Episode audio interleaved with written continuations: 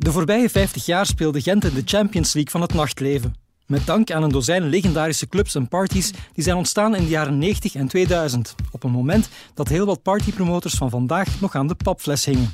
In de podcast De Nacht blik ik twaalf weken lang terug op de rijke geschiedenis van het Gentse nachtleven, met iedereen achter, maar ook voor de schermen.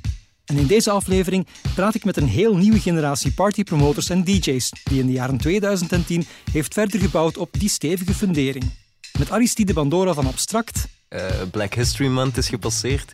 Ik heb een paar van die zooms meegemaakt. Maar kennis, uh, uh, die, die zijn gewiekst, die hebben goesting, die hebben ambitie allemaal. De toekomst ziet er alleen maar gekleurder uit. Hè. Allee, bedoel, dat, moet je, dat, moet je, dat moet je ook wel goed beseffen. Jules Gaïde van Alpha en Nachtvogels. Een van mijn zaken is in een, een zeer Turkse buurt. En dan denk ik vaak van, ja, maar waar gaan die uit? Waar, zij, moeten, zij hebben ook nood aan en ontspanning. En dan we komen, we komen Turksmeenschap of, of whatever nooit tegen.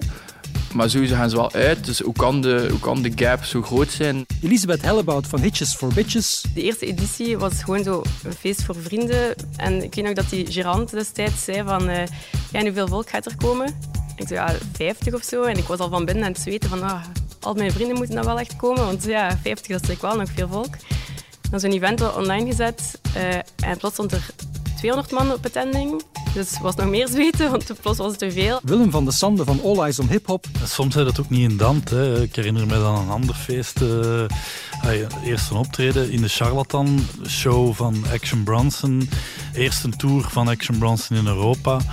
Die heeft drie nummers gedaan. Die was niet tevreden van het geluid. Hij kreeg geen geld om op restaurant te gaan en bla bla bla. Heeft drie nummers gedaan, is het afgetrapt. Nicolas Verbrugge van The White Cat. Ik denk dat soms mensen te veel bezig zijn van oké, we gaan maar zoveel vragen, want anders gaan ze niet komen. Ik denk die 2 euro meer of 4 euro meer, als je natuurlijk iets goed biedt, niet erg is. Eh, en dat je dat ook moet durven om te zeggen, van, we vragen de prijs. Want ja, zoveel kost het nu eenmaal. Jeff Willem van Trillers. Ik weet nog dat, dat Trillers vrij underground begon. En dat vijf jaar later mensen, ja, dat is een commerciële feest. Terwijl eigenlijk de inhoud hetzelfde is gebleven. Maar de, maar de, de outside, de profilering, hoe dat mensen kijken naar hip-hop is gesplit. En dan moet je een keuze maken van kies je om terug naar underground te gaan of omarmde je eigen commercialiteit. En Anke Willis van Kerk. Bij Kerk, toen we daar uh, feesten gaven, dan zat ik vaak aan de inkom. Dan was ik de persoon ook die uh, het inkomgeld moest uh, ontvangen. En ik denk echt één op drie die vroeg, ja, maar mag ik niet gratis binnen, want het is al zo laat. Ja, maar ik ken de DJ. Ja, maar ik ken u. Mijn naam is Ben van Alboom en dit is aflevering 10 van De Nacht. Een nacht die begin jaren 2010 dus wel een stevige fundering had, maar daarmee was op dat moment misschien ook wel alles gezegd. Zeker met Culture Club, Isle of Techno en Ten Days Off, die op hun laatste benen liepen. Ik vond dat er veel, veel dingen, uh, veel organisaties veel mensen veel zaken hetzelfde deden. Dat iedereen naar elkaar aan het kijken was en dat er een tijd was geweest dat Culture Club top was, dat de Neuf top was, dat er heel veel zaken top waren. Dat Isle of Techno, City Parade, allemaal zaken die uniek waren. Maar daarna was er, ik was er niet super actief zelf bij, maar daarna was er wel een soort van gat of een soort van uh, mindere periode of zo. En ik had ook, ik vond nightlife ook niet bepaald sexy of zo. Ik had niet van, ah ja, daar wil ik echt mega graag bij zijn. Bij mij was dat iets anders eigenlijk. Rond 2005 of zo gingen wij met onze vrienden veel naar de Cartier uit. Een klein uh, café in... Uh, op het Veerleplein, dat eigenlijk misschien twee, drie jaar bestaan heeft of zo, maar wat dat wel heel goede underground hip-hop en uh, reggae dancehall feestjes georganiseerd werden door onder andere Lefto en Daan maar ook door Azer en, uh, en Dino, die, die organiseerde Make It Clap. En dat heeft voor mij wel een beetje, uh, dus een beetje mijn hip-hop opvoeding geweest daar. En heeft mij wel geïnspireerd om zelf in 2005 met All Eyes on Hip Hop te beginnen. En dan eigenlijk in, denk ik, 2010 of 2011 in de White Cat mijn eerste stappen te zetten in het Gentse nachtleven. Ja, in, in de beginfase was vooral al de evenementen die georganiseerd waren. Het was vrij gericht enkel op, vond ik persoonlijk, veel house, techno. Elk feestje in het weekend, er waren weinig dansfeesten. Die vond ik ook naar de funk en de soul. En Cartier was daar een, een uitzondering in, hè, op vlak van uh, hip-hop, uh, die andere dingen deden. Hè. De Cartier is, is na, na twee, drie jaar zijn die dus gesloten en, en die feesten zijn dan ook gestopt. En ik ben eigenlijk uh, voor mij was dat het juiste moment om in dat gat te springen. En, uh, en daardoor is dat, dat denk ik wel wat succesvol geweest, omdat er geen alternatief was voor de Cartier. En dat is dan de White Cat geworden eigenlijk. Bij mij was eerder mijn vriendinnen en ik, die, allee, als wij feestjes gaven thuis bijvoorbeeld, was altijd een bepaald genre. En op dat moment was er niet per se een heel groot aanbod daarin, waarin dat meisjes zich op hun gemak voelden. Ehm, en dan ja, gewoon het idee had van ik ga zelf iets starten. Uh, ja, en dat is zo'n beetje gekomen, redelijk organisch. Er waren nog concepten daarna. Um, het is niet dat wij daarmee gestart zijn per se, maar ik denk wel op dat moment dat er niet heel veel concurrentie was. Ik denk als je uit de stroom stapt dat er nooit echt veel concurrentie is. Dus dat is, dat is altijd tof om iets anders te doen dan de rest. En ook het, het supergoeie. Vertrekt vaak vanuit passie of overtuiging. En dan maakt het niet uit dat het klein is of, of enkel voor je vrienden of whatever. En dan gaat het automatisch opvallen, is het automatisch veel minder concurrentie. En dat is ook wel tof om uh, uit de stroom te stappen, denk ik. Ik kan mij wel vrij goed vinden bij wat Jules zegt over eenheidsworst. Uh, dat is ook een beetje mijn motivatie geweest om op een bepaalde manier feesten te organiseren. Ik ging veel uit in Brussel. Ik kwam terug in Gent en uh, er vielen mij twee dingen eigenlijk enorm hard op. En dat is, is dat de meeste promotors, en ik heb dat niet over jullie, want we zijn een beetje in dezelfde era gestart. Allee, era. Um, maar de meeste promotors waren eigenlijk te cool om een hand aan te geven. Ik ging altijd naar feesten, het maakte niet uit waar dat was. En ik wou altijd tegen de promotor gaan zeggen, oh joh, wijs feest. En die was altijd veel te cool om een hand aan te geven. En ik had altijd zo, zo dat idee. En dat stak mij enorm tegen. En ik weet nog dat ik naar Brussel ben gegaan. Ik heb daar een feest gezien, Moonlight. Dat was met Falcons. En dat was, zo, dat was zo'n sound uit die beatmakers zien. Zo een beetje hip-hop georiënteerd, maar dan ook niet. Ik wil ook uit die eenheidsworst gaan. Ik dacht van, kijk, ik ga er niet op zitten wachten. Ik ga het maar zelf doen. En dat voel ik zo al direct, dat, dat iedereen zo wel een beetje wil losbreken uit een bepaalde eenheidsworst. Op een bepaalde manier, ja. In die periode had ik de indruk dat er ook niet heel veel humor of zo zat in um, concept. Het was heel ernstig allemaal. En denk dat, ja, dat in het specifieke geval van hetgeen dat ik dan deed, dat dat wel iets anders was of iets nieuw. Om er toch wel een beetje uh, humor in te steken of zo. Ja, wij hebben jullie nog gevraagd. Uh, als wij met Boerhaus avond georganiseerd hebben in de Decadens, omdat wij toen inderdaad voelden dat jullie ook op zoek waren naar... Het mag wel wat grappiger, het mag wel wat losser of zo. Um, ja, toen hebben wij aansluiting gevonden bij jullie visie. Ja, dat was tof. Dat was een goede match, denk ik ook. ja. Iets ganz anders, maar wel zo... Allee, it made sense. Maar dat is nog altijd het, het grote probleem, denk je, dat iedereen zijn eigen veel te serieus neemt. En ik, ga daar zeker, uh, allee, ik ben daar zeker ook schuldig aan. Maar als je, en dat is vaak ook hoe vaster dat je zit in iets, hoe, als, hoe vaster dat je geroest zit in een feest of concept of, of identiteit of whatever, dan ga je eigenlijk altijd veel te serieus nemen. En het is pas als je dat loslaat of, of, of denkt van oké, okay, fuck it, ik ga het anders aannemen of uh, wat ik fuck it zei trouwens, sorry. Ah, ja, okay. um, dat je kunt loslaten en dat je dan opnieuw ook de humor erin kunt zien. En ik denk als je humor in iets ziet dat, dat gewoon ook tof is en dat, dat is aanstekelijk en uh, dat, dat doet do, do goesting krijgen is misschien ook een vonk tot creativiteit voor andere mensen. Dan, dan maakt het vrij leuk. Voor mij valt wel op dat wij wel altijd zo uit maten eigenlijk gaan organiseren. Hè. Als je zo kijkt rond, zie ik eigenlijk allemaal zo duo's en trio's van, van mensen die eigenlijk samen organiseren. En dat geeft ook wel een beetje een, een soul en, en, het verhaal. En dat is ook wat ik hier hoor. Zo van, ja, we proberen eigenlijk ook een beetje ons, ons, ons, ons feestliefde te delen met mensen. Nicolas Verbrugge is veruit de oudste van de groep. En hij merkt op dat de feestliefde het afgelopen decennium niet alleen werd gedeeld met het publiek, maar ook tussen de partyorganisatoren onderling. In de jaren 90 en 2000, zegt hij, ging het er vaak iets minder vriendschappelijk aan toe. Vroeger was het zo precies altijd een concurrentiestrijd. Zeker als het naar, naar de grotere evenementen ging. Het was echt iedereen tegen elkaar en het werd bijna als vijanden zien. Ik heb nu wel het gevoel... Allee, je merkt ook, iedereen kent iedereen. En het wordt zo, zo niet aanzien. Uh, het is meer kruisbestuiving. Ik kan dat misschien verkeerd op hebben. Maar het is like een relaxere manier van met elkaar omgaan. En het gevoel dat concurrentie niet bestaat. kunnen alleen maar elkaar maar versterken. Ik vind dat vrij interessant wat je daar zegt, Nicola. Omdat, like, like Jules, jij en ik, we zijn echt zo... Jij zei vroeger begonnen met Alpha, wat ondertussen al een tijd geleden is. En ik heb een pakt een half jaar of een jaar later met Trillers begonnen. Dus soms misschien lichte vormen van spanningen gevoeld, omdat wij concurrentieel waren. Maar wat mij opviel, mij persoonlijk zelf opviel aan een bepaalde tijd, is dat mensen naar hen kwamen omdat Alpha of Trillers was. En dat is iets waar je altijd trots op mocht zijn, vind ik. Is dat mensen, ah, we gaan naar Alpha gaan of naar Trillers gaan. Ik voel dat nu ook met bijvoorbeeld een Gilles, met Moonday bijvoorbeeld. Uh, dat, dat, we spreken hetzelfde publiek aan en dat maakt het complementair. En dat maakt van Gent een aantrekkelijke stad om naartoe te gaan, om te gaan feesten. Omdat er concepten zijn die iets meer niche zijn, maar toch nog altijd breed genoeg te smaken zijn. Ja, wij ook, in uh, Willem, met the end of the day die ene week in Charla naar All Eyes on Hop op, de andere week in Charla naar Thrillers. En dat was vrij complementair. We hebben hetzelfde publiek gedeeld. En ik denk dat dat mm -hmm. elkaar vrij versterkt heeft. Ja. Dat geloof ik oprecht. ik denk dat mensen ook, ook heel vaak die concurrentie aan ons gaan, gaan toewijzen. Of zo. Ik denk dat er misschien tussen concepten onderling heel weinig spanning is en dat het allemaal al fijn is. En, maar dat het publiek of, of een soort van inner circle of, of ik weet niet wie heel vaak concurrentie gaan veroorzaken of echt gaan, gaan kweken of zo. En het was misschien niet echt spanning tussen ons, maar heel veel mensen rondom ons, soms dicht, soms niet dicht, wouden dat wel gaan creëren. En, en dat merk ik nog altijd heel hard en dat is een beetje des mensens helaas. Co-sign, co-sign. dat komt waarschijnlijk misschien ook een beetje omdat de poelen... In, eh, ja, je zit niet in een Brussel of in een Lille of echt in een grootstad. De poelen is, is vrij klein. Hè. En dan gaan, gaan mensen misschien rapper dat gevoel hebben, denk ik, of ermee bezig zijn. Maar ik, heb dat niet, ik voel dat toch minder aan nu. Maar ik vind net omdat het zo klein is, dat je je moet door dezelfde deur, deur kunnen. Ja, ja, het is een klein stadje, het is een kleine scene. Het is een dorp, hè. Ja, maar allee, dat heeft ook heel veel voordelen. Net omdat het zo klein is dat iedereen wel iets meer rekening houdt met elkaar, dan moest je in een grote stad zitten, bijvoorbeeld. Een dorp is een beetje overdreven. Laten we zeggen dat Gent een kleine grootstad is. En dat maakt het dus ook voor een jonge partypromotor niet zo simpel om te beginnen. Want er is sowieso al een aanbod en de plaatsen zijn beperkt. Op vlak van hip-hop was dat niet zo simpel. Zelfs, allee, Nicolas, ik heb Nicolas moeten overtuigen.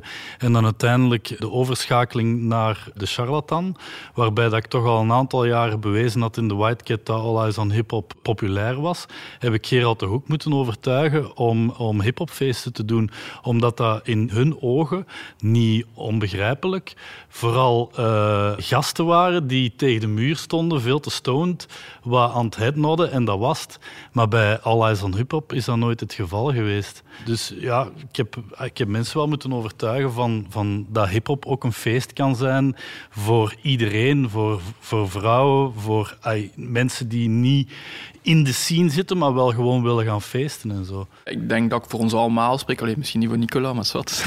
Als we, als we zeiden dat als we dan spreken over Herald, dat Herald wel heel veel mensen kansen heeft gegeven en dat hij ook, uh, dat hij ook de persoon was die die week heeft opengebroken. Allee, dan non-overpoort, dat hij de persoon was die kans heeft gegeven aan heel veel jongeren om op hun ding te doen. En dat hij vaak ook uh, vanuit een, een, een doe maar uh, houding heeft geparticipeerd en, en vertrouwen heeft gegeven. Dus voor mij heel persoonlijk was ook al was ik daarvoor al bezig, was Gerald wel een soort van uh, ja, uh, raadgevend figuur die kans heeft gegeven en een beetje credit where credit is due. Dat zonder een persoon zoals Gerald en de fysieke locatie dat Charlotte is, was er heel, heel veel minder uh, interessante concepten gegroeid, denk ik. Ja, ik heb hetzelfde een beetje met, met, met de deco. En dus uh, ja, vier, vijf goede edities en dan, dan neemt die momentum ook een klein beetje en uh, gaan daar buiten. De klassieke cultuurhuizen zijn niet echt de makkelijkste opstap om, om als jonge party organizer eigenlijk te gaan stappen en zeggen: Kijk, ik heb een mega idee. Uh, ik wil 500 man verzamelen zonder een plan, zonder een verhaal.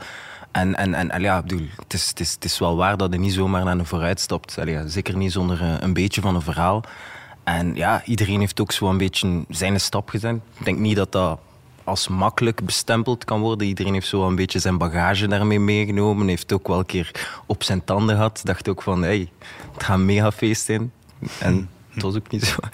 Maar uh, ja, nee, het is, het, is, het is altijd wel spannend geweest. Elk begin is spannend. Ik denk ook uh, als we denken in nieuwe concepten, want, want we, hebben inderdaad ja, wel één of twee concepten die, die eruit springen, maar hebt er ook een paar die in het vergeetgeld gaan steken. Dus geëxperimenteerd ook af en toe. En ze zien maar hoe dat, hoe dat kleine plekken eigenlijk in de stad toch hyperbelangrijk zijn als voedingsbodem naar, om door te groeien. Allee, je kunt niet enkel de zalen van duizend man of van 500 man neerplanten in de stad en dan denken van oké, nu zal het wel groeien. Allee, zo, mijn broer is 18 jaar en heeft nu een feestje in de cover. Ja, ook die plek moet er zijn om, om een soort van uh, ja, divers uh, speelveld te krijgen waarin je kunt uh, starten met ondernemen. Dus. Ik denk dat ook je wings echt moet verdienen. Je moet gewoon ergens kunnen starten en dan iets uitbouwen. Like, hoe dat ik destijds ben gestart, is eigenlijk grappig. De eerste editie was gewoon zo een feest voor vrienden. En ik weet nog dat die gerant destijds zei van... Uh, ja, hoeveel volk gaat er komen? Ik zei, ja, 50 of zo. En ik was al van binnen aan het zweten van... Ah, al mijn vrienden moeten dan wel echt komen. Want ja, 50, dat is like wel nog veel volk. Dan zo'n event online gezet. Uh, en plots stond er 200 man op attending. Dus was nog meer zweten, want plots was het te veel. En dan zijn die allemaal afgekomen en dan zat daar propvol. En uh, dat was echt gewoon veel te veel volk. En om één uur s'nachts dus moesten we dan, werd het stilgelegd omdat er gewoon te veel volk was. Maar al dat volk stond daar wel super gemotiveerd om nog uit te gaan. En uh, toen heb ik Maxime van de Cover gebeld. Destijds werkte ik daar. Uh, en gewoon gezegd van, ja, ik sta hier met 200 man op de gaslei. Mag ik mijn feest naar u verplaatsen? En die zei, ja, sure. Er is geen uh, personeel, maar kom maar af. En Marianne en ik, die daar alle twee nog gewerkt hebben op verschillende tijdstippen in ons leven, zijn dan toen beginnen afwassen en zo. En zo dat feest gered. Um, dus ja, we zijn heel klein gestart, maar omdat dat zo'n verhaal was, uh, denk ik dat heel veel mensen de tweede editie ook wilden meemaken. En dat, dat was dan in de cover. Uh, dus inderdaad, like dat Jules zegt, plekken als de cover zijn ook super belangrijk, dat je zo gewoon echt kansen krijgt. Was dat toen al Hitches for Bitches? Ja, dat was uh, ja, eigenlijk een beetje zoals als lol begonnen. Um, maar mensen vonden dat blijkbaar echt catchy. Ja, en wel, dat, allee, het dekte lading ook wel. Um, allee, without disrespect uh, voor meisjes, maar dat, dat rijmt. Um, en mensen weten op voorhand al een beetje wat ze kunnen verwachten. En uh, ja, voilà, zo is, dat, zo is dat gekomen. En dus ja, het is niet per se super evident om direct iets heel groot neer te zetten, maar ik denk wel dat je zo op die manier ook wel ja, iets kunt laten uitgroeien tot iets veel groter dan, uh, dan dat je het eigenlijk bedoeld had. Ja, ik ben uh, Bart van den Decadens op dat vlak heel dankbaar. Ik had niet per se de ambitie om feestjes te organiseren, maar hij is toen echt uh, bij, bij, bij ons, bij Lisa en mij gekomen en gezegd van oké, het is altijd kei tof als jullie komen. Heb er al eens over nagedacht om zelf DJ's te gaan uitnodigen, om dat in een concept te gieten. En hij is daar met ons eigenlijk stapsgewijs doorgegaan. En uiteindelijk hebben we drie edities mogen organiseren. Maar ik ben dankbaar dat dat in de decadens was en dat dat niet per se onmiddellijk op weet ik veel welk niveau moest plaatsvinden. Uh, het was ook dat gezellige dat het, dat het zo leuk maakte. Ja, ik zat in, oké, het is een kleine stad, maar drie, vier mensen kunnen zo'n impact hebben op een stad en zoveel mensen kans geven. Dat is, ook wel het schone aan, uh, aan nightlife. Ik denk in alle sectoren, maar vooral in nightlife. En ook al gaat het een keer slecht, toch dat vertrouwen blijven geven. En ik denk dat Nicola ook zo'n persoon is die heel veel uh, mensen kansen heeft gegeven. En uh, dat is heel mooi om te zien. Dat is niet enkel voor de organisators. Ik vind ook dat dat veel verder gaat. Want door nightlife creëerde echt wel een cultuur en een sfeer in een stad. En a reason to come voor mensen daarbuiten ook. En dat creëert zo'n community echt mensen leren elkaar daar kennen. Dat is netwerk. Dat is, um, ja, leer je lief daar kennen. Um, DJ's, um, mensen die met productie bezig zijn, krijgen daar kansen. Dat is zo belangrijk voor zo'n eh, echte ontwikkeling van niet enkel individuen, maar ook echt van de stad aan zich. Nightlife is ontegensprekelijk een superbelangrijke ontmoetingsplek. Een real-life Tinder of LinkedIn. Een plek waar niet alleen kinderen en 30 jaar later kleinkinderen uit voortkomen, maar ook ideeën, bedrijven, samenwerkingen en de coolste Belgische band van de afgelopen 10 jaar. Want voor wie dat niet weet, Stuff, de allesverschroeiende jazzband rond drummer Lander Gijzelink, is ontstaan in de kelder van de White Cat. Ja, dus naam Stuff was er niet. Dat is eigenlijk gewoon uh, begonnen met, met Lander. Die zei van, er waren al veel uh, jam sessies in, in, in, uh, in de White Cat. Het voordeel was aan de White Cat dat alle instrumenten er altijd stonden. De Hammond stond er, de drum stond er. Dus ja, mensen moesten niets meebrengen. Dus er, er gebeuren daar spontane, spontane dingen, doordat ja, alles er altijd stond. Uh, Lander, denk ik, was toen nog student op conservatorium waarschijnlijk. Ja. Hè? Zo, zoals veel. Dat, is, ja, het is lang geleden. We zijn begonnen in de White Cat in 2004. Dus, ja, dat is, dus in het begin was dat meer hè, student, allez, de studenten van het conservatorium die daar wat kwamen spelen. En dan op een gegeven moment wou hij een concept uitwerken, uh, Lander Invites, een, eh, een jam sessie. En we voelden direct dat daar een bepaalde ja, vibe om. Het zijn natuurlijk ook topmuzikanten zijn daar wel wat verschillende mensen de revue gepasseerd. Uh, dan merkt op een gegeven moment dat, dat, dat je toch ziet dat dat iets brengt bij de mensen. En dat we beslist van oké, ik wou sowieso een beetje als uh, promo een keer een LP uitbrengen. Uh, met de mensen die al in de White Cat kwamen, kwamen komen draaien. Nou, een Scruff, een Nightmares en Wax. Dus die hebben we er allemaal opgezet en hebben besloten voor op de B-kant te zeggen van kijk, eh, ga mee in de studio. Eh, we de Whitecat gaat die plaat uh, regelen. Dan zijn we bij Joris in de studio gegaan. Hebben ze daar twee nummers opgezet.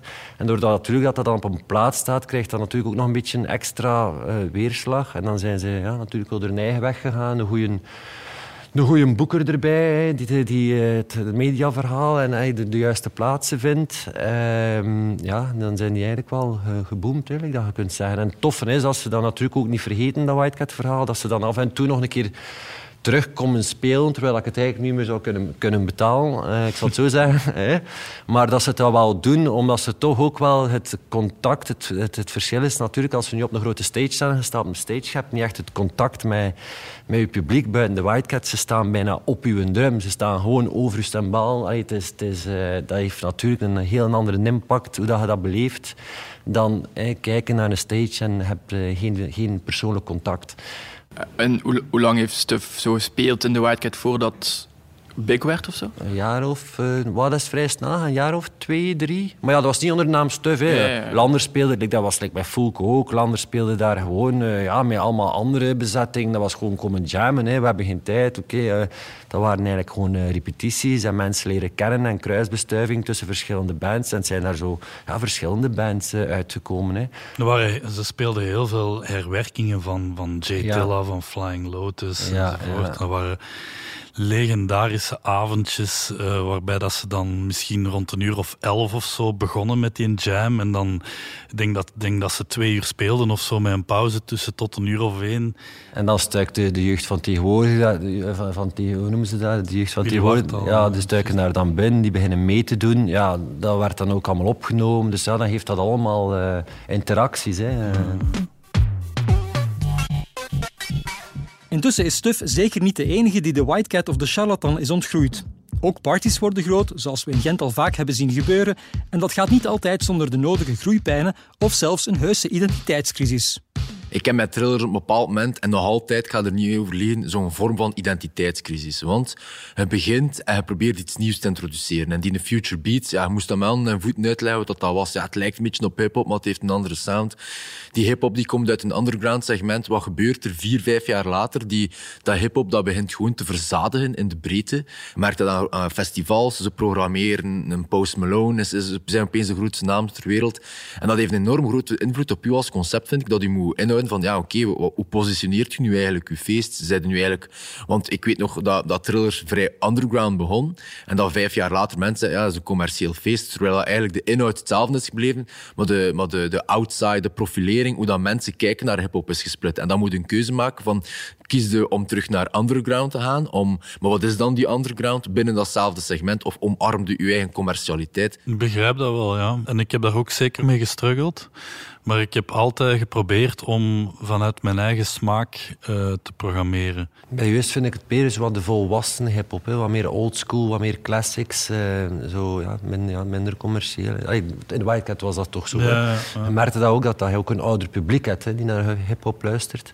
In de Wildcat was dat zo, maar in de Charlatan is dat wel wat geëvolueerd. Ja, ja. Maar je evolueert ook zelf als persoon en je smaak verandert ook. Voilà. Je concept groeit zo wat met je mee. Maar tegelijkertijd moet je ook je brand beschermen, omdat dat ook wel is waarvoor dat mensen altijd al gekomen zijn. En dat is inderdaad, dat is, dat is zo'n beetje een, uh, iets moeilijk. Hè? Dat je het enerzijds wilt beschermen, aan de andere kant denk je ook, maar ja, als ik dit blijf doen, is dat ook niet echt een garantie op succes. Omdat ik er zelf misschien niet per se nog achter sta. Ja, en als je nu zegt hip-hop, dan, dan, dat is, ook anders, is er daar al bijna geen consensus niet met wat voor hip-hop. Ja. die een nieuwe brol of, of, de, of de. Allez, snapte? En dan wordt er wordt daar verdeeldheid gecreëerd. En dat vind ik ook wel een enorm moeilijk. En ik vind dat dat heel belangrijk is om te identificeren welke predispositie dan een bezoeker heeft als die naar je feest komt. Ik heb heel lang in de waan geleefd dat mensen echt weten wie dat ik zet op thrillers. Dat is niet waar. Is niet waar. Ik ben er onder, na een jaren tijd was ik ervan overtuigd dat mensen totaal geen idee hadden wie dat er op dat podium stond. En dat, die daar gewoon, dat, dat een deel daar was. Hè. Die early adopters die zijn daar, die de rest meetrekt. Om daar te zijn voor, hey, het is een dien die speelt en ze pakken tien man mee. Maar dan een andere. En ik begon dat consistent te vragen aan bezoekers. Ook als ik zo dacht, en waarom komt het eigenlijk af? Ja, omdat er daar schone vrouwen rondlopen. En, maar ja, en je moet daar wel mee rekening houden als promotor. Of juist niet. En ik vind dat wel, dat mag soms een keer besproken, worden. Want wij zijn allemaal muziekfanaten. Ik herken hun er allemaal. Ben op alle feesten geweest. Iedereen weet veel van muziek. Maar je moet daarmee rekening houden dat je publiek daar niet altijd uh, boodschap aan heeft. Het is een beetje unpopular opinion, maar dat is wel zo. Ja, maar je kunt dan als, als, eh, als promotor ook proberen om je publiek wat op te voeden. Hè? En ik denk dat we dat ook allemaal wel wat gedaan hebben uh, ja, zeker. binnen ons feest. Hè. Toen wij feesten wouden organiseren, dan lag de prioriteit eigenlijk bij het samenbrengen van mensen en ervoor zorgen dat je een avond organiseert waarbij iedereen zich welkom voelt. Uh, daarom onze eerste editie heb ik denk ik alleen uh, house geprogrammeerd. En dan voor de tweede editie denk ik hebben we hebben we jullie dan eh, gevraagd om dus ook echt een ander genre te gaan programmeren, om ervoor te zorgen dat je eigenlijk gewoon kunt zeggen we gaan naar daar en we mogen er prat op gaan dat we ons gaan amuseren. Is het niet in de ene zaal, dan is het wel in de andere zaal. Je hebt natuurlijk wel die verantwoordelijkheid om ervoor te zorgen dat de muziek die je programmeert, dat die, dat die goed is. Dat je, dat je, zoals Willem daarnet zei, dat je mensen ook een beetje opvoedt. En het is natuurlijk moeilijk om te zoeken waar ligt de balans tussen we gaan muziek brengen die misschien niet direct smaakbaar is, nog niet, die, die een beetje moet groeien op u. En, en waar is er muziek die, die direct binnenkomt, die direct mee heeft, die ervoor zorgt dat de sfeer gezet is. En ik vind dat wel een moeilijke oefening om te maken. Hoe kritisch er ook zelf naar kijken of luisteren, op muzikaal vlak zit het in Gent wel goed met diversiteit. Zowel vandaag als vroeger. Maar hoe zit het met de diversiteit van het Gentse nachtleven op andere vlakken? Niet. Niet.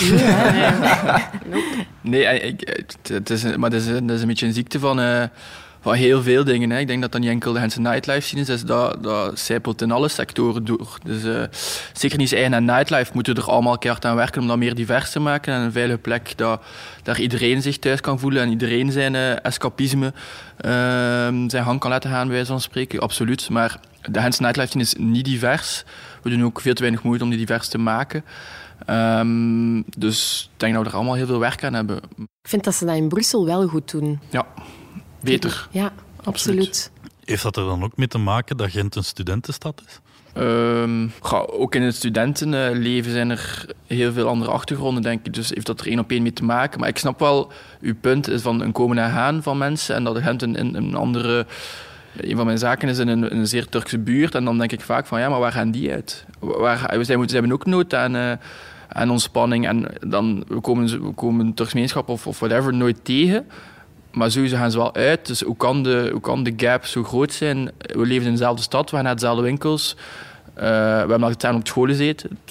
Where did it go wrong, om het zo te zeggen? Waarom feesten zij niet bij ons en wij niet bij hun? En wat is de reden? En ik kan er de vinger absoluut niet op leggen. Ik heb, uh, mijn zus uh, heeft samen met haar vriendinnen een, ja, eigenlijk, een studentengroepje opgericht. Umoja noemt echt, ze zijn met fantastisch veel. Ik denk dat ze met 400 zijn ondertussen. Organiseren fantastisch veel dingen. Dus het leeft wel. Allee, ja, er is, het is daar, maar je merkt gewoon dat dat, dat, dat op een plafond uh, strijkt en dan, dat, ze, dat ze niet het, uh, de, de, de handen toegereikt krijgen die nodig zijn om, om te doen. Want ze zijn een heel gehechte community, ook op social media-wise. Kijk, ik volg ik die en ik zo van, hey, dat is wel knettergek wat dat die doen. Uh, met helemaal... Feesten ook. Ja, feesten ook. En, en die organiseren wel dingen, maar het is ze zijn ook ergens ook een beetje bang, want ze willen ook een safe space gaan creëren, hè, waarin dat ze, ze zichzelf kunnen zijn en dergelijke. Dus het wordt... Allez, het is langs twee kanten. Hè. Mensen zijn te voorzichtig, je wilde niet, je wilde niet uitbreken, maar tegelijkertijd zit de goesting er wel. Talent zit er sowieso, want als je die mensen nog spreken, is dat zo van... Wauw, uh, Black History Month is gepasseerd. Ik heb een paar van die, van die, van die, van die Zooms meegemaakt. Maar kennis, uh, uh, die, die zijn gewiekst, uh, die hebben goesting, die hebben ambitie allemaal. En, en hey, ik bedoel, de toekomst ziet er alleen maar gekleurder uit. Hè. ik bedoel, dat moet je, dat, moet je, dat moet je ook wel goed beseffen. En ja, ik bedoel, het is zwaar dat we ze nu onvoldoende bereiken. Maar ik denk gewoon dat we, dat we zeker met, met de mensen die we tegenkomen in de toekomst, dat we ook wel daar oog voor moeten hebben. Ah, kijk, kijk ah, wat, wat, wat, is uw plan eigenlijk? En dan ook kunnen zeggen van, kijk, weet je, ik ga u even onder mijn naam nemen. Laten we dingen doen. En dat vind ik vrij belangrijk, want ik, eh, ik, ik hoor u daarnet zeggen, Anke, en ook over locatie. Ik vind mentorschap super belangrijk in events. Dat is echt, kennis is zoveel waard. En dat vind ik het belangrijkste dat misschien kan verloren gaan aan deze coronaperiode. Kijk, wij hebben als gemeenschappelijke factor iedereen die hier zit. Ofwel Bart van Decadent, ofwel Gerald van Charlatan. Voor mij alle twee. Ik heb mijn allereerste feest... Ofwel Nicolas van der Whitekip. Ja, ja, nee. Ja, voor mij is dat zo. Oh, sowieso. En ik, uh, ik, ik herinner mij op mijn 16, ik ben nog een organisator geweest van Vosmos. Ik heb toen mijn eerste rechtszaak gekregen van Matthias van Cosmos natuurlijk. uh, maar ja, hij heeft dat natuurlijk laten zal van ja, beter, beter organiseerde geen Vosmos. Ik zat op de Vos geslagen, ja, weet je wel. En ik... zo lachen, En like dat hij zegt, ook bij bepaalde communities... Ik ben blij dat een Gerald mij af en toe zei, dat zou ik niet doen, dat zou ik wel doen.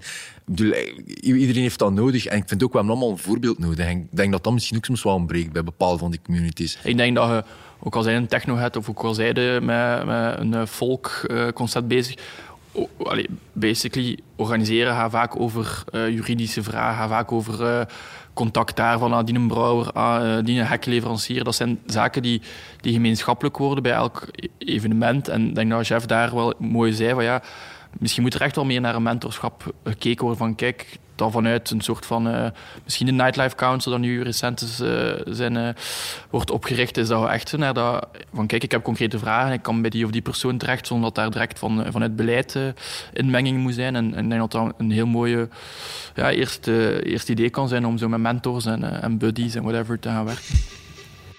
Op vlak van diversiteit is er dus nog flink wat werk aan de winkel in het Gentse nachtleven. Terwijl we de afgelopen twee decennia in iets heel anders misschien wel de koploper zijn geworden. Het aantal namen op de guestlist. Het hangt er een beetje vanaf hoeveel mensen dan je kent natuurlijk. Als je, als je veel mensen kent, dan, uh, ja, als je daar ook voor open staat, ja, dan, eh, dan gaat dat snel natuurlijk. Hè. Ik, ik was er altijd wel vrij principieel in eigenlijk. Uh, support Um, en oké, een paar mensen, maar uh, eerder uitzonderingen. Als je wilt komen, support mij, support zien. Uh, ik vraag dat zelf nooit. Dus de DJ's die ja. spelen. Ja. Maar dat, dat, fenomeen van guestlist, dat vind ik vreemd belangrijk. En ik voel dat dat bij direct veel, veel mensen zo direct dat bloed dat zo omhoog komt. En het ding is, is dat ik me daar vaak aan gefrustreerd. Ik heb er vaak memes over gemaakt. Maar ik vind, maar ik vind ook, langs de andere kant, kunt mensen niet kwalijk nemen als je hier 200 meter verder een overpoort hebt, waar je overal gratis binnen mocht en shots een euro kosten. Dan versta ik ook dat vanuit een educatieniveau. Want ik heb dat ook gemaakt, allee, met mensen waar ik mee samenwerk, is dat ah, oh, dat kost ook geld, of dat kost ook geld. En mensen denken daar niet over na. Dus ik snap dat als het een gratis kan, en hij vraagt 5 euro, dat mensen zoiets hebben van, ja, maar ja, dat betaal ik niet. En ik denk dat die educatie, dat, dat want ik ben veel in Berlijn geweest, moet daar zelf betalen om in een café te gaan. Alleen niet in elk café, maar in veel cafés wel. Gewoon een café dus, ja. Ik ben het daar volledig mee eens. Je merkt inderdaad dat mensen absoluut niet kunnen inschatten wat daar van werk en financiële middelen in zit in een feest. Want bij, bij Kerk, toen dat we daar uh, feesten gaven, dan zat ik vaak aan de inkom. Dan was ik de persoon ook die uh, het inkomgeld moest uh, ontvangen. En ik denk echt één op drie die vroeg, ja, maar mag ik niet gratis binnen, want het is al zo laat. Ja, maar ik ken de DJ. Ja, maar ik ken u. En dan ook even uitleggen van waarom het belangrijk is dat iedereen dat inkomgeld betaalt. En vaak begrijpen mensen het dan ook wel. Dus ik denk dat er inderdaad gewoon een gebrek aan knowledge is. Wat dat ook begrijpelijk is. Het is aan ons om, om, om dat uit te leggen van waar dat, dat komt en waarom dat, dat gerechtvaardigd is. Ik denk zelf na corona denk ik dat bijna overal um, iets... Oké, het zal misschien niet veel zijn, maar om tegenwoordig nog mensen gaan... Oké, misschien gaat het nu terug veranderen, dat mensen terug vroeger beginnen weggaan. Maar op een gegeven moment, voor corona, begonnen de mensen echt wel vrij laat weg te gaan. Ze, waren al, ze gaan eigenlijk thuis gaan inpilsen om het dan nog... Um, iets, iets deftig te kunnen doen en, en deftige kwaliteit te geven, is bijna onmogelijk. En dat is de reden waarom, hey, voor, dat dan waarschijnlijk ook 5 euro beginnen vragen is, maar eigenlijk als je kwaliteit... Ik denk dat, dat, dat zeker na corona het nog erger zal worden, dat overal uh, eh, 5 euro zal zijn. Wat ook niet, niet erg is. Maar dan moet er natuurlijk wel iets tegenover staan. Uh, want ja, als je ook een publiek hebt die voor het enkel pinten drinkt... Oké, als je nog een sterk, sterke drankpubliek hebt, is het een klein beetje misschien een ander verhaal. Maar uh, als je gewoon middenklasse, gewoon normaal publiek hebt die enkel pinten drinkt, ja, 1000 pinten, dat is 2500 euro. En je hebt er een portier staan en moet saban betalen. Je geraakt daar al niet ver. En het zijn al 1000 pinten. Hè. Uh, dus dan netto binnenkrijgen, en dat dat ja, om te overleven en goede dingen te kunnen doen, toch nog er meer en meer zal insluipen. wat ook niet erg is. Ik denk dat soms mensen te veel bezig zijn van oké, we gaan maar zoveel vragen, want anders gaan ze niet komen. Ik denk die 2 euro meer of 4 euro meer, als je natuurlijk iets goed biedt, niet erg is. Uh, en dat je dat ook moet durven om te zeggen van we vragen de prijs, want ja, zoveel kost het nu eenmaal. We zijn denk ik in Gent ook wel redelijk verwend um, op vlak van inkom. Het zijn heel veel plekken waar dat echt gewoon redelijk gratis of helemaal gratis uh, binnen kunt. Dus als je dan opgroeit als student hier en dan worden we ouder en je blijft hier uitgaan, je bent dat gewend dat je gewoon kunt party hoppen tussen verschillende plekken, rond de Vlasmarkt bijvoorbeeld. En nergens moet betalen. We zijn daar echt gewoon heel verwend in. En je hebt dat als promotor ook wel echt zelf in de hand, like dat Willem zegt. Je kunt dat echt gewoon zelf beslissen. Van, ik doe enkel guestlist bijvoorbeeld voor de DJ en een paar mensen die meekomen. Uh, en uw vrienden, ja, dus ik snap dat iedereen altijd guestlist vraagt, maar zij moeten als beste snappen dat jij daar superveel werk in steekt, dat dat superveel geld kost. En dat jij in die end wel met de, de kosten overblijft. Dus als zij al niet willen supporten, ja... Maar bijvoorbeeld, ik ga nu eens één specifiek voorbeeld geven. Ik heb er heel mijn levenswerk van gemaakt met thrillers om Kate te kunnen boeken. En dat is nooit gelukt. En niet omdat we in België zitten, maar gewoon om de prijs. Want die een agent die zegt tegen u, ja, maar ja, ik kan voor in Londen, en ik snap het, hè, Londen, nu ben ik grote contrasten aan het creëren. Maar die zegt, ja, maar in Londen kunnen wij 30, 50k krijgen voor, voor, voor, voor een Kate of whatever. En dan zeg ik, ja, ik kan u 10.000 bieden. En dan lacht die agent u gewoon uit. Maar hoe komt dat? Mensen willen daar ook gewoon niet voor betalen. Mensen zeggen van ja, we willen een keer Totdat je er zoveel geld voor zou moeten betalen. Ik heb nog Skepta gezet, dat vraagt daar 25 euro. Oeh lala, 25 euro. En het zijn die inconsistenties die we moeten proberen wegwerken. Want ja, als hij in Londen uitgaat, ben overal in elke grote stad in Europa uit geweest. Hij betaalt overal 50 euro voor een show van 2 uur te gaan zitten. Als hij 50 euro kunt vragen voor een keer ja, dan it just makes sense dat hij hem ook 50 euro kunt geven. En daarom blijven wij als land, vind ik persoonlijk, zwaar achterop lopen op redelijk veel internationale kansen. En dat heb ik gemerkt bij tourdates. Ik denk dat Willem, dat hij daar soms ook wel merkt van die naam zou ik ergens kunnen plaatsen, maar ik weet dat het publiek daar gewoon niet voor gaat betalen. Ja. Het is ook per genre, denk ik. Ik denk dat misschien in, in, in uw genre inderdaad misschien een, ook gewoon een, een, kleinere markt is. Maar in, op andere segmenten dat we dan weer het meeste van al krijgen. Dus het zal zeer genregebonden zijn, denk ik. Ook zeer locatiegebonden. Maar bijvoorbeeld als het meer zo richting house techno gaat, ja, dan zit we weer in van de betere land. Maar ik heb dat gewoon vaak gemerkt. Ja, ik mail met een agent, uh, we don't even consider Belgium. En dan zitten daar. Hè. Ja, dat is ook omdat allee, qua, qua hip-hop en, en aanverwanten zijn de, grote steden zijn, zijn Londen, Parijs, uh, Amsterdam. Voilà, dat is de focus. En daar gaan ze eerst naar kijken. En dan, als er nog tijd over is, dan gaan ze kijken, dan gaan ze aanvullen. Ja. En dan moet je op een dinsdagavond. ja, ja, het is ja. Daarnet viel al het idee om in de toekomst meer met mentors te beginnen werken. Al kun je natuurlijk ook ontzettend veel leren uit fouten. Zowel jouw fouten als die van al degenen die voor je zijn gekomen. Dus kom op, biecht maar op, jongens. Ja, bij mij is dat zeer simpel. Dat was mijn... Uh, ja. dat klaar, dat klaar. Ja, maar dat is, uh, ja, ik ben uh, echt slecht van wie. Dat is mijn allereerste feest. Toen was ik nog student, zeker 18 jaar. Ja, we gaan een groot feest geven. We gaan het Kuipke afvuren. We gaan daar ja, een beetje uh, fantasie wel waarschijnlijk. Hè. We gaan naar Surgeon, Blake Baxter, uh, Bandulu, wie gaan we daar allemaal opsteken? Hebben we gedaan, hè. enorm veel aandacht gekregen, niet te veel geld willen vragen. Een ontbijt, morgens een paar duizend uh, boterkoek, wat er geen van opgeten is. En een systeem van allemaal vrienden die wouden werken, maar allemaal maar twee uurtjes. Maar als je natuurlijk allemaal, en allemaal graag feest dan komt het erop neer dat je eigenlijk... Uh, ik had toen 1200 man zeker op dat feest. Uh, dat ik niemand meer kende achter mijn eigen toog. Dus 1200 man bedient zijn eigen drank. Uh, dus was een vrij goed feest. Maar uh, dan op het einde, iedereen gaat weg. Iedereen die afgesproken had voor te kuisen, was er niet meer. Dus je blijft met een stort achter en een financiële put. Uh, gigantisch. Dus dat was wel direct een failure, kunnen we wel zeggen. was wel een goed feest. Ja, dat wel. Dat wel. voor iedereen, maar niet voor mij. Ik kan mij ook wel nog een, uh, een, feest hier in de Vooruit herinneren dat ik organiseerde uh, met uh, The Alchemist. En uh, The Alchemist was toen al tour-dj geweest van Mob Deep, van, van Eminem zelfs. werkte met heel veel rappers samen als producer. Maar uh, blijkbaar toch niet gekend genoeg in België. Want ik denk dat ik toen iets van een 350 tickets moet verkocht hebben. Terwijl dat de capaciteit 1100 is. Uh, dus serieus mijn broek aangescheurd. En eigenlijk gewoon beseft dat er uh, weinig hip-hop DJ's zijn die tickets verkopen. En dat je ook moet rekening houden met momentum. Uh, dat je dat goed moet inschatten wanneer dat je iemand boekt. Uh, en soms kunnen daar uh, volledig de mist in gaan. Bij mij de, de Bordeaux-kapel in 2016. Dat was, ja, dat was eigenlijk nog in renovatie. Dus we hadden die, die locatie gekregen om, om feest te organiseren.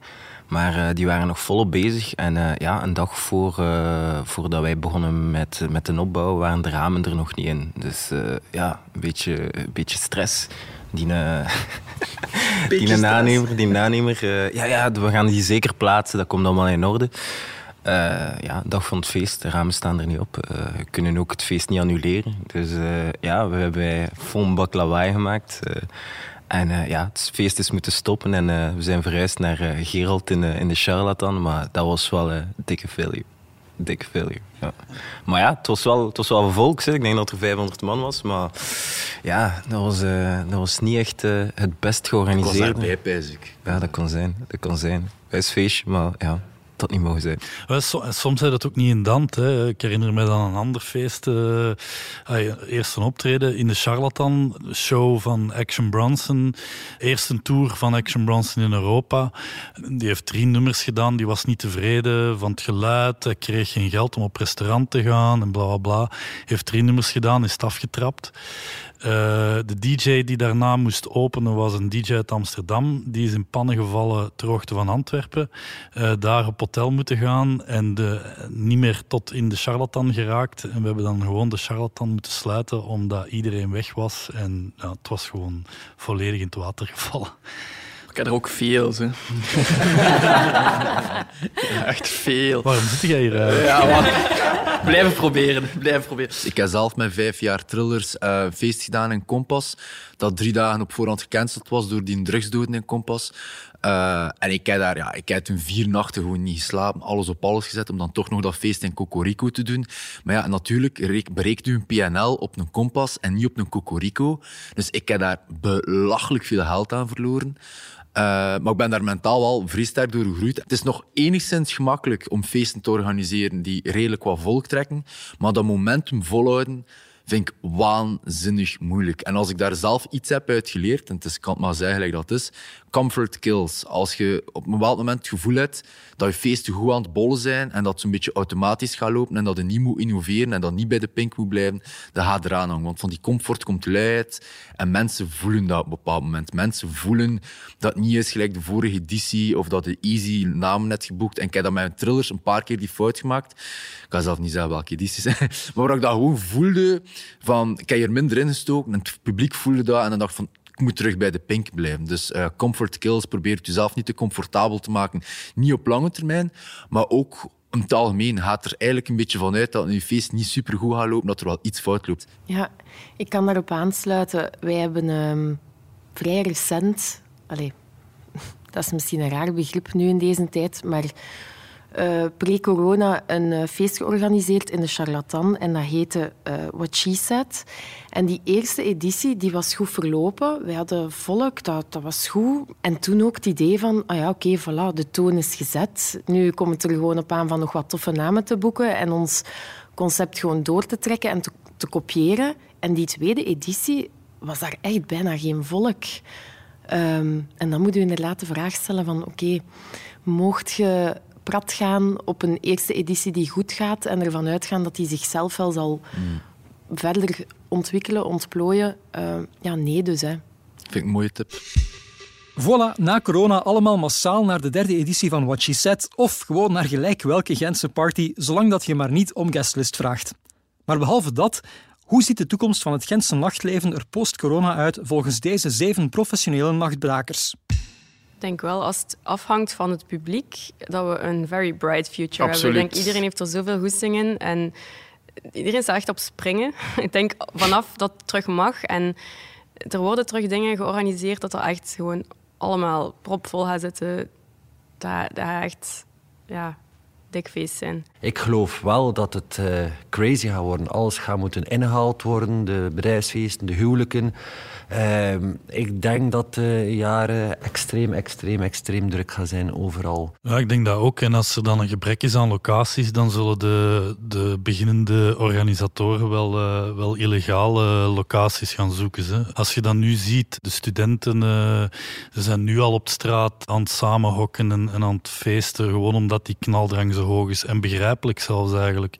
Maar ik denk, uh, als de locaties er niet zijn, dan zullen ze wel zullen ze wel gevonden worden. Dat is wel jammer, want nightlife voor mij ook een cultuur en, en, al die illegale dingen zijn is goed en is een reactie van een cultuur, maar ja, het wel bepaalde zaken, geluid, licht, essentiële zaken die bijdragen tot de ervaring die, die een hele generatie misschien zelfs deels gaat verliezen. Ik bedoelde dat ook eerder als een waarschuwing naar de stad toe. Van, Ja. eh, zorg dat er locaties komen, Absoluut, want ja. als ze er niet zijn, dan zal er nog veel meer overlast zijn. Ja, En het is sociale controle. Hè. Het is, eh, En als het daar misloopt, gaat dat natuurlijk zijn weerslag krijgen op de dingen die er wel zijn. Dan, dus dat is ook een gevaar, hè. dat Ja. is een feit. Ja. ja, dus een slechte atmosfeer rond het eh, Ja. geheel. Ja, terwijl dat nightlife alleen in het algemeen wel een heel gecontroleerde omgeving is. Absoluut. Ik heb twee dagen geleden nog met mee meegezien. En zij zei, ja, het gaat lekker achter een oorlog zijn. Hè? Het gaat lekker achter een oorlog zijn. hè. Iedereen poept met iedereen. Dat heeft mij mee meegezegd. 94 goed, jaar. Dat heeft ze echt gezegd. Ja, dat Als zijn zij het zegt. Als zij het Als zegt. zij het zegt, dan gaat het waar zijn. Zij, zij was erbij, dus ja. Zo zei jij hier, hè? Zo op de Dankzij, wereld. dankzij die uitspraak ben ik er geraakt. Verplichte darkroom dus op elk feestje na corona. Enfin, het is maar een idee. Dit was aflevering 10 van De Nacht, een podcast van Puur Gent, Visit Gent en Stad Gent. Volgende keer, logischerwijze deel 11, over een relatief nieuw fenomeen dat de afgelopen 15 jaar is ingeburgerd geraakt in Gent. Open-air parties. Ook deze aflevering heeft een eigen playlist op Spotify, samengesteld door de hoofdrolspelers uit deze aflevering. Gewoon even zoeken naar De Nacht. Niet het gelijknamig nummer van Jeff van Uitsel, je moet kijken bij playlists. En als je van zoeken houdt, er is ook een wandeling langs de meest legendarische plekken uit deze en alle andere afleveringen. Die vind je op walklocal.gent. Mijn naam is Ben van Alboom. Pieter Santens van House of Media nam de opname en montage voor zijn rekening. Bart Meiskens de productie, de Glimmers de muziek, Floor Windels de vormgeving en Thierry van Dort de fotografie. Nog goed volk dat meewerkte aan deze podcast. Louisa Salens, Tom van Houten, Thierry Bogaert, Gilles Gaïde, Lana Bouwens, Sam Vijs, Louise-Marie Kerkhoven, Stefan Brakke, Walkie Talkie en Vooruit. Oh, en weet ook dat je alle afleveringen van deze podcast eerst twee weken exclusief kan beluisteren op de site en in de app van De Morgen en Humo. Tot de volgende.